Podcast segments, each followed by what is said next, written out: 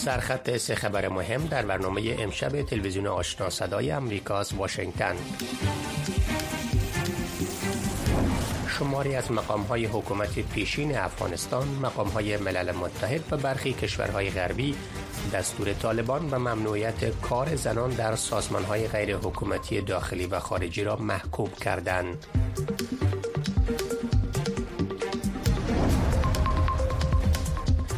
عید میلاد مسیح امسال در حال امروز تجلیل می شود که پیامد جنگ در اوکراین و پیامدهای اقتصادی آن اکثر باشندگان جهان را متأثر ساخته است. و طوفان شدید زمستانی در سراسر ایالات متحده امریکا روز شنبه باعث قطع برق بیش از یک میلیون خانه و اداره گردید و باعث مختل شدن سفر هزاران تن دیگر شد.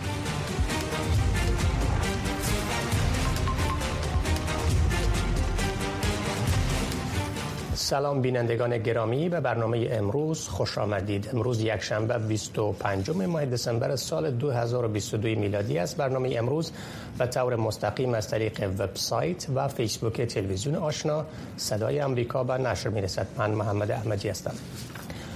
در برنامه امشب همکارم ژیلا نوری واکنش های مختلف به فرمان طالبان برای ممنوع کردن کار زنان در مؤسسات غیر حکومتی خارجی و داخلی در افغانستان را گزارش می دهد و آقای عبدالصبحان مصباح رئیس پیشین مؤسسه اکبر که نهاد هماهنگ کننده مؤسسات غیر برز معذرت هماهنگ کننده مؤسسات غیر حکومتی خارجی و داخلی در افغانستان بود و بررسی اثرات و عواقب از کار کشیدن زنان از مؤسسات غیر حکومتی در افغانستان می‌پردازد و همچنین ایشان تحلیل خود را در مورد آینده فعالیت این مؤسسات در افغانستان بیان خواهد کرد. با ما همراه باشین با خبرها و گزارش از افغانستان نخست. مقام های ارشد مؤسسات ملل متحد و دهها سازمان غیر حکومتی فعال در افغانستان امروز یکشنبه در کابل برای بحث روی آینده فعالیت این مؤسسات بعد از فرمان توقف فعالیت کارمندان زن توسط طالبان ملاقات می کنند. ممنوعیت کار دختران و زنان در مؤسسات غیر دولتی توسط طالبان خشم کشورهایی را که کمک های بشردوستانه را به افغانستان ایران می کنند برانگیخته است. آژانس خبری فرانسه به نقل از تاپیوا گومو سخنگوی دفتر هماهنگی امور بشردوستانه سازمان ملل متحد نوشته است که این کشورها امروز یکشنبه نشستی را در مورد این تصمیم طالبان برگزار می کنند. ارقام رسمی سازمان ملل متحد نشان می‌دهد که بیش از 20 میلیون افغان به کمک های فوری بشردوستانه نیاز دارند و در صورت عدم دریافت آن ممکن است جان خود را از دست بدهند. پس از آن که طالبان زنان و دختران افغان را از کار در سازمان های غیر حکومتی داخلی و خارجی منع کردند شماری از مقام های حکومت پیشین افغانستان مقام های ملل متحد و برخی کشورهای غربی این دستور طالبان را محکوم کردند. همکارم ژیلا نوری در استودیو با من هست و این واکنش ها را دنبال کرده و گزارش می‌دهد. ژیلا جان کدام مقامات امریکایی و بنیادهای بشری و بین المللی در این مورد واکنش نشان دادند و این واکنش ها چی بوده؟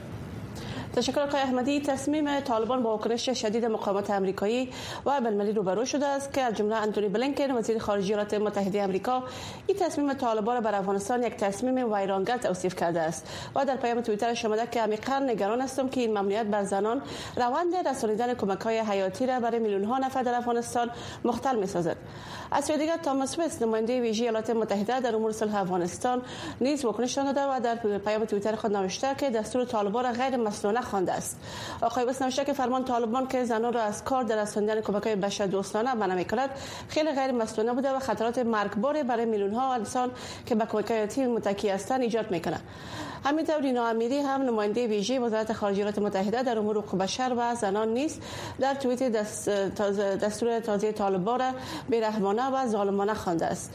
رینا امیری تصمیم زنان را گفته که تصمیم زنان را مجازات می‌کند و کمک های بشر دوستانه را در معرض خطر قرار می‌دهد که میلیون ها افغان در زمستان دشوار به او وابسته هستند و همچنین نهادهای بشری و حامی زنان افغان نیست. در برابر تصمیم واکنش دادند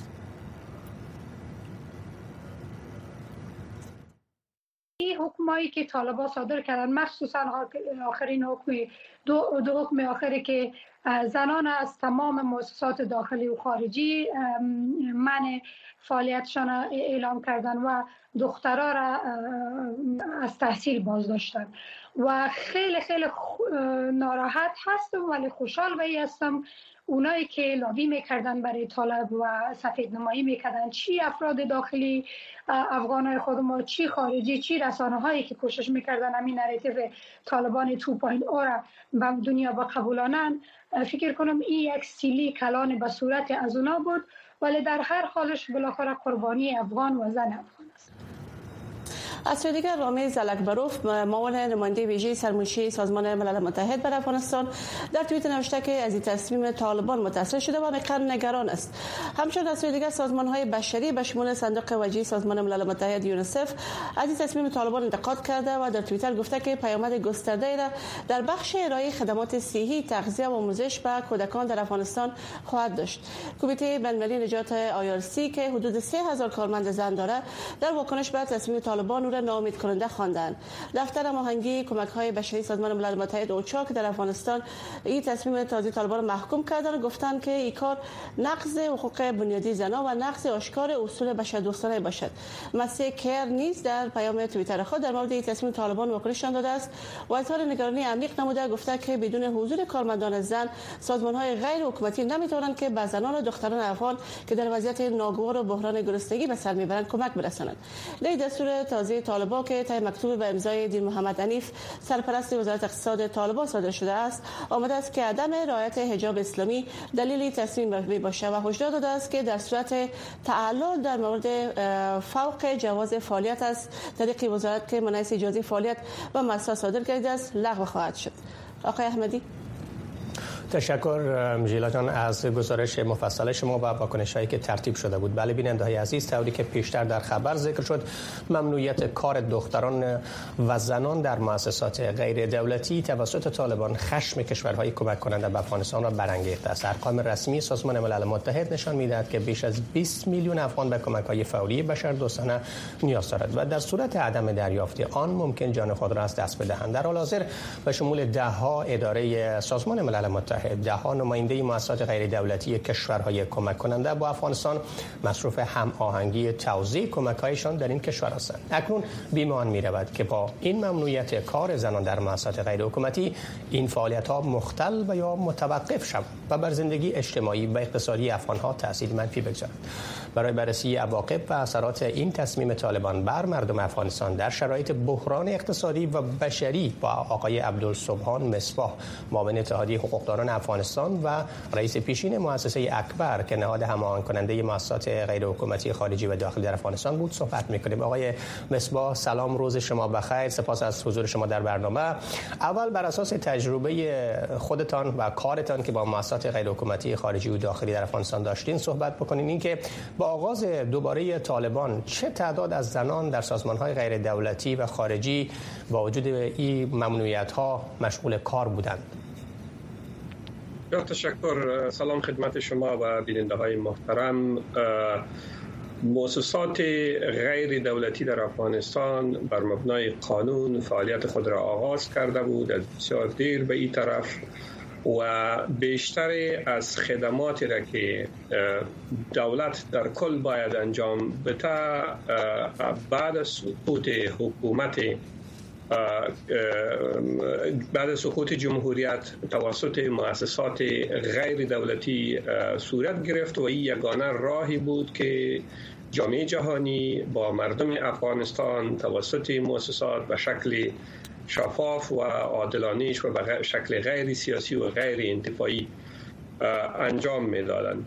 بناهن تعداد زیادی از خانم ها رقم دقیق با ما هنوز وجود نداره ولی ارقام زیادی که به تعدادش به هزارها تن می رسید از خانم ها در این مؤسسات کار می کردن و می کنن که این نه تنها برای مؤسساتی که تنها برای خانم ها فعالیت می کردن بلکه مؤسساتی که برای اطفال برای سایر اخشار جامعه مکملا توسط خانم ها مدیریت می شد این مؤسسات فعالیت خود را داشت و این تصمیمی که توسط طالبا صورت گرفته در حقیقت بسیار یک تصمیم تکان دهنده است به خاطر که با همچو تصامیم بحران اقتصادی که افغانها با او رو برو است به شکل جدی تشدید پیدا می‌کنه و در زمین مشکلات فاصله مردم با حکومت و, نفرت مردم نسبت به امی گروه حاکم را بیشتر می سازه غیر قابل توجیه است ظالمانه است غیر عادلانه است و آقای, آقای مصباح به نظر شما حالا این ممنوعیت چه پیامد منفی را بر وضعیت خانواده ها خواهند گذاشت؟ ظاهرا تعداد زیادی از این زنان نانآور خانواده هایشان بودند که در مؤسسات کار می‌کردند. حالا پیامد منفی ای کار نکردن چی خواهد بود؟ ببینین تصمیمی که گرفته شده در حقیقت انواعی از حقوق اساسی خانم ها را و در کل از مردم افغانستان بر مبنای از این نقص شده که او حق کار است از کار محروم شدن از حق آزادی محروم شدن حق سازمان های اجتماعی که انجیوها من حیث نهادهای یا سازمان های اجتماعی از حق مساوات در برابر قانون است. و از همه مهمتر بود اقتصادی مسئله اینجا بسیار زیاد جدی است. بدون شک با بحران اقتصادی که بیشتر از 98 درصد مردم در زیر فقر اقتصادی قرار داره و وضعیت اقتصادی کاملا خراب است این تصمیم این بحران را بیشتر می سازه و تاثیر بسیار ناگواری بر اقتصاد می‌گذاره و در زمین بحث بر رسمیت شناختن که جامعه جهانی هم یک یکی از شرایطش همی است که نقش خانم ها در در عرصه سیاسی در عرصه کار در تعلیم و تحصیل در کل این تصمیم بر خلاف این تقاضای جامعه جهانی و این آقای مصباح باز معذرت چون فرصت بسیار کم است اگر کوتاه بفرمایین که آیا امکان جاگزینی مردان به عوض این زنان وجود داره و آیا اگر مردان به عوض این زنان کار بکنن اون موثریت خود را خواهد داشت؟ نه اصلا امکان نداره مؤسسات من حیث نهادهای غیر دولتی از خود اساسنامه داره اصول خود را داره و کسایی که در این مؤسسات کار کرده اونا مردمای با تجربه و مسلکی هستند هدف از خانم ها هست وضعی از اینا مردها رفتن و کار کردن که باز به شکل شفاف و به شکل منظم کار بتانه اصلا امکان پذیر نیست و این اصلا امکان نداره که مردهای وضع خانم ها برن و با تشکر. ممنون از آقای عبدالصبحان مصباح رئیس اتحادیه حقوقدانان افغانستان که در این برنامه در تحلیل و دیدگاه خود را در مورد این ممنوعیت طالبان بیان کردن. سپاس از شما روزتان بخیر. حکومت ایران برای کمک با دختران منع شده از تحصیل در افغانستان ابراز آمادگی کرده است. طبق اعلامیه روز شنبه وزارت خارجه ایران سید رسول موسوی معین این وزارت با سرپرست سفارت افغانستان در تهران موقف ایران را در خصوص مسدود شدن پوانتون ها بر روی دختران با وی در میان گذاشت. موسوی در توییت خود نوشت که ایران آماده است با استفاده از امکانات پوانتون های خود زمینه آموزش آنلاین به دختران افغان را فراهم کند. وزارت خارجه ایران روز پنجشنبه گذشته از مسدود شدن پوانتون ها بر روی دختران در افغانستان ابراز نگرانی کرده بود.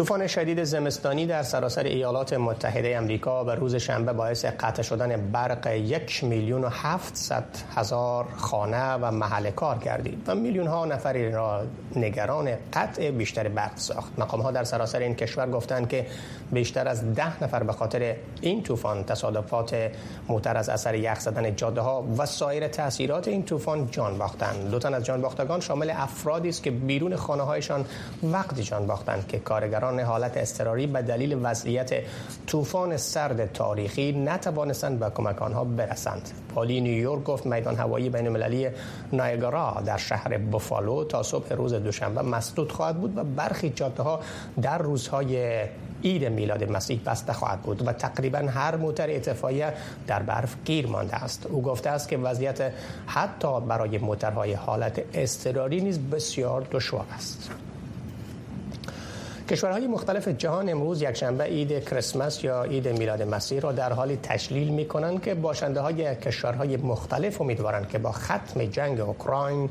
اوضاع اقتصادی جهان بهتر شود. به بیشتر در این گزارش توجه بفرمایید.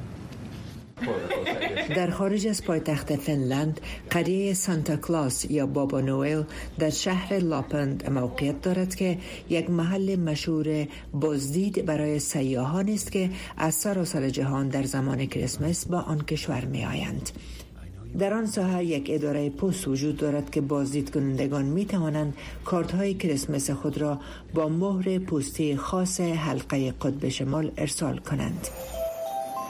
در بریتانیا های شارد که بلندترین امارت در اروپای غربی است را به نمایش های کریسمس خود اضافه کردهاند. در ایتالیا با وجود نگرانی ها در مورد اقتصاد خریداران از اولین فصل مناسب رخصتی زمستانی که به طور کامل تحت شعای همگیری ویروس کرونا قرار نگرفته است در حال لذت بردن هستند اما جنگ روسیه با اوکراین و پیامدهای اقتصادی آن بر ذهن مردم سنگینی می کند. آنچه ما در سال آینده با آن امیدواریم صحت و سلامتی است و بعدا ختم جنگ میان روسیه و اوکراین که پیامد منفی بر دو کشور دارد. همچنان بر کشور ما نیز تاثیر گذاشته است. تورم اقتصادی شدیدا افزایش یافته است. در ایالات متحده مردم خانه های خود را برای تعطیلات تزیین می کنند مغازه های ایالت کالیفرنیا پر از اجناس بیشمار است که بر اساس رنگ طبقه بندی می شود.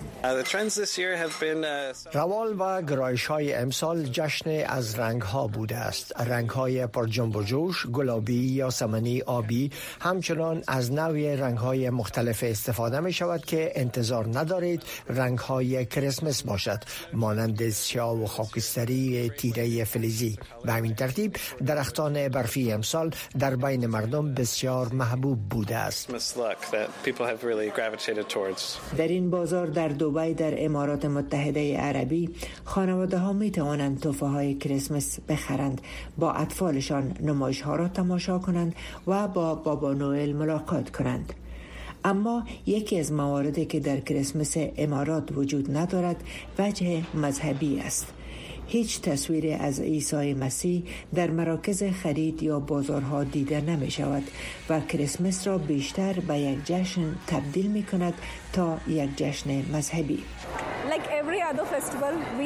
مانند هر فستیوال دیگر ما از کریسمس هم لذت می‌بریم. این جشن جشن مذهبی غیر مذهبی یا چیز دیگری نیست. ما عاشق تماشای جشن ها در مغازه ها یا خارج از آن هستیم و به همین ترتیب از بابا نوئل دیدن می‌کنیم. در نهایت در اوکراین نیز مردم برای تجلیل از کریسمس تحت شعای جنگ می‌کشند. یک درخت کریسمس در محل قطار زیرزمینی در خارکیف نصب شد که این محل به عنوان پناهگاه بم نیز به کار می رود زیرا شهر هنوز به خط مقدم جنگ نزدیک است. مارینا باشنده محل می‌گوید این اقدام باعث خورسندی مورد نیاز ساکنان شده است. عالی است. من این را دوست دارم. اولا رویه ما را تقویت می کند و بعد اطفال احساس خوبی دارند. همه عکس می گیرند خیلی عادی است. یک درخت دیگر کریسمس در کیف باعث شادی ساکنان شهر و اوکراینی های آواره داخلی می شود اگرچه نسبت به سال گذشته تزئینات کمتر است به جای درخت 31 متر درخت 12 متر زینت داده شده است. با آن هم ده ها خانواده برای گرفتن عکس از آن گرد هم آمده اند نجیب خلیل تلویزیون آشنا صدای امریکا واشنگتن. عراقی ها برای سال جدید میلادی یک امیدواری دارند و آن یکجا شدن با خانواده ها و دوستانشان است که برای چندین ده جنگ از عراق فرار کردند مردان زنان و کودکان در شب عید کریسمس در کلیسای جلادین سنت جورج چالادین گرد هم جمع شدند. در موسل زمانی که مرکز داعش بود اقلیت ها و مسلمانان مثل هم مورد قصابت آن گروه قرار گرفته بود. کلیساها در سالهای گذشته به جز برای عده معدود عبادت کنندگان خالی بود اما روز شنبه کلیساها مملو از عبادت کنندگان و مردمی بود که حتی اشتراک کنندگان در بیرون تا شب امتداد یافته بود. عراق کشوری اکثرا با نفوس مسلمان است اما میزبان برخی جوامع مسیحی است که شمارشان بین حالا تا 200 هزار تا 300 هزار نفر می‌رسد. قبل از تهاجم نیروهای ایالات متحده به آن کشور که باعث سقوط صدام حسین رهبر پیشین عراق در سال 2003 شد شمار مسیحیان عراق بیش از یک میلیون و 500 هزار نفر بود. به دنبال حملات اخیر تیاره های بی پیلوت روسیه بر زیربناهای انرژی اوکراین قرار است شرکت تأمین انرژی اوکراین پرچوی های برق را در کیف پایتخت این کشور آغاز کنند تیاره های بی پیلوت روسیه بارها به کیف و سایر شهرهای اوکراین حمله کرده و در بسیاری موارد مراکز برق رسانی و آبرسانی را هدف قرار داده است. برگردان گزارش صدای آمریکا را در این مورد با هم می‌بینیم. بمباران روسیه بر تأسیسات انرژی اوکراین در ماهای اخیر دسترسی بیش از 10 میلیون اوکراینی به برق را قطع کرده است. بسیاری شهروندان اوکراین با فرارسیدن فصل زمستان بدون دسترسی به آب به سر می‌برند و هیچ راه برای گرم کردن منازلشان ندارند. یکی از تأسیسات تامین انرژی در مرکز اوکراین چندین بار در ماهای اخیر توسط روسیه بمباران شد. ولادیمیر کودرتسکی رئیس عمومی اوکرینرژو شرکت تامین انرژی اوکراین به خبرنگار صدای آمریکا یکی از شبکه های مهم برق رسانی اوکراین را نشان داد. transformer این substation شبکه برق رسانی که یک بخش مهم تامین انرژی به میلیون ها اوکراینی است در حملات ماهای اخیر نظامیان روسیه از بین رفته است. رئیس عمومی اوکرینرژو گفت که اردوی روسیه بیش از یک هزار حمله با استفاده از missile و تیاره های بدون سرنشین را مشخصا بر شبکه برق رسانی اوکراین انجام داده است. در این حملات عمدتا تاسیسات اوکرینرژو، line های برق رسانی و همچنان فابریکه های تولید برق هدف قرار گرفته است. این حملات بزرگترین حمله بر تاسیسات برق در تاریخ معاصر بشر است. تا اکنون هیچ کسی آنچه را ما تجربه می کنیم با آن روبرو نشده است. آقای کودرسکی اضافه کرد که شرکت اوکرینرژو به هدف ایجاد توازن بین تولید و مصرف انرژی باید پرچوی های منظم برق را اعمال کند. آنچه به گفته وی میلیون ها اوکراینی را متاثر خواهد ساخت. در گذشته دستگاه های تامین انرژی روسیه و اوکراین با هم وصل بود. رئیس شرکت اوکرینرژو می گوید که کارشناسان انرژی روسیه به اردوی این کشور مشوره می دهند که به کدام نقاط دستگاه انرژی اوکراین حمله شود تا بیشترین آسیب به این دستگاه برسد. آنان با هدف قرار دادن و قطع کردن شبکه برقرسانی دستگاه های آبرسانی را نیز آسیب می رسانند و این گونه تمام زیربناهای حیاتی از بین می شبکه برقرسانی اساسی ترین نوع زیربنای حیاتی است و بدون آن شما هیچ کاری انجام دادن نمی توانید. بخش بزرگ برق اوکراین با استفاده از انرژی هسته‌ای تولید می شود. اوکراین 15 دستگاه تولید برق در چهار نیروگاه هسته‌ای دارد. یک ماه پیش و پس از یک حمله بزرگ اردوی روسیه نیروگاه هسته‌ای تولید برق روین که در 60 کیلومتری مرز بلاروس موقعیت دارد به دلیل خسارات شدید در دستگاه انرژی اوکراین مجبور به توقف فعالیت خود شد. روین که بزرگترین فابریکه تولید برق در غرب اوکراین است بیش از 15 هزار گیگاوات ساعت برق در هر سال تولید می کند. پاولوف کوتینیوک رئیس این فابریکه می گوید که کارمندانش تلاش دارند تا با همکاری اردوی اوکراین از این فابریکه حفاظت کنند اما او خواستار کمک های بیشتر جامعه جهانی در این راستا شد. نخست از همه ما به حفاظت زیربناهای حیاتی انرژی نیاز داریم. مسئول بخش انرژی این فابریکه نیز بر کمک های بیشتر به خاطر حفاظت از این فابریکه در برابر بمباران روسیه تاکید کرد. به دلیل حملات میزایل ما باید توجه بیشتر به مسئولیت و حفاظت این فابریکه کنیم. جامعه جهانی به این نتیجه رسیده که مسئولیت هسته‌ای در اوکراین یک مشکل تنها به این کشور نه بلکه برای تمام جهان است. ولادیمیر زلنسکی رئیس جمهور اوکراین در ملاقات با جو بایدن همتای امریکاییش خواستار همکاری واشنگتن برای حفاظت شبکه برق رسانی اوکراین شد.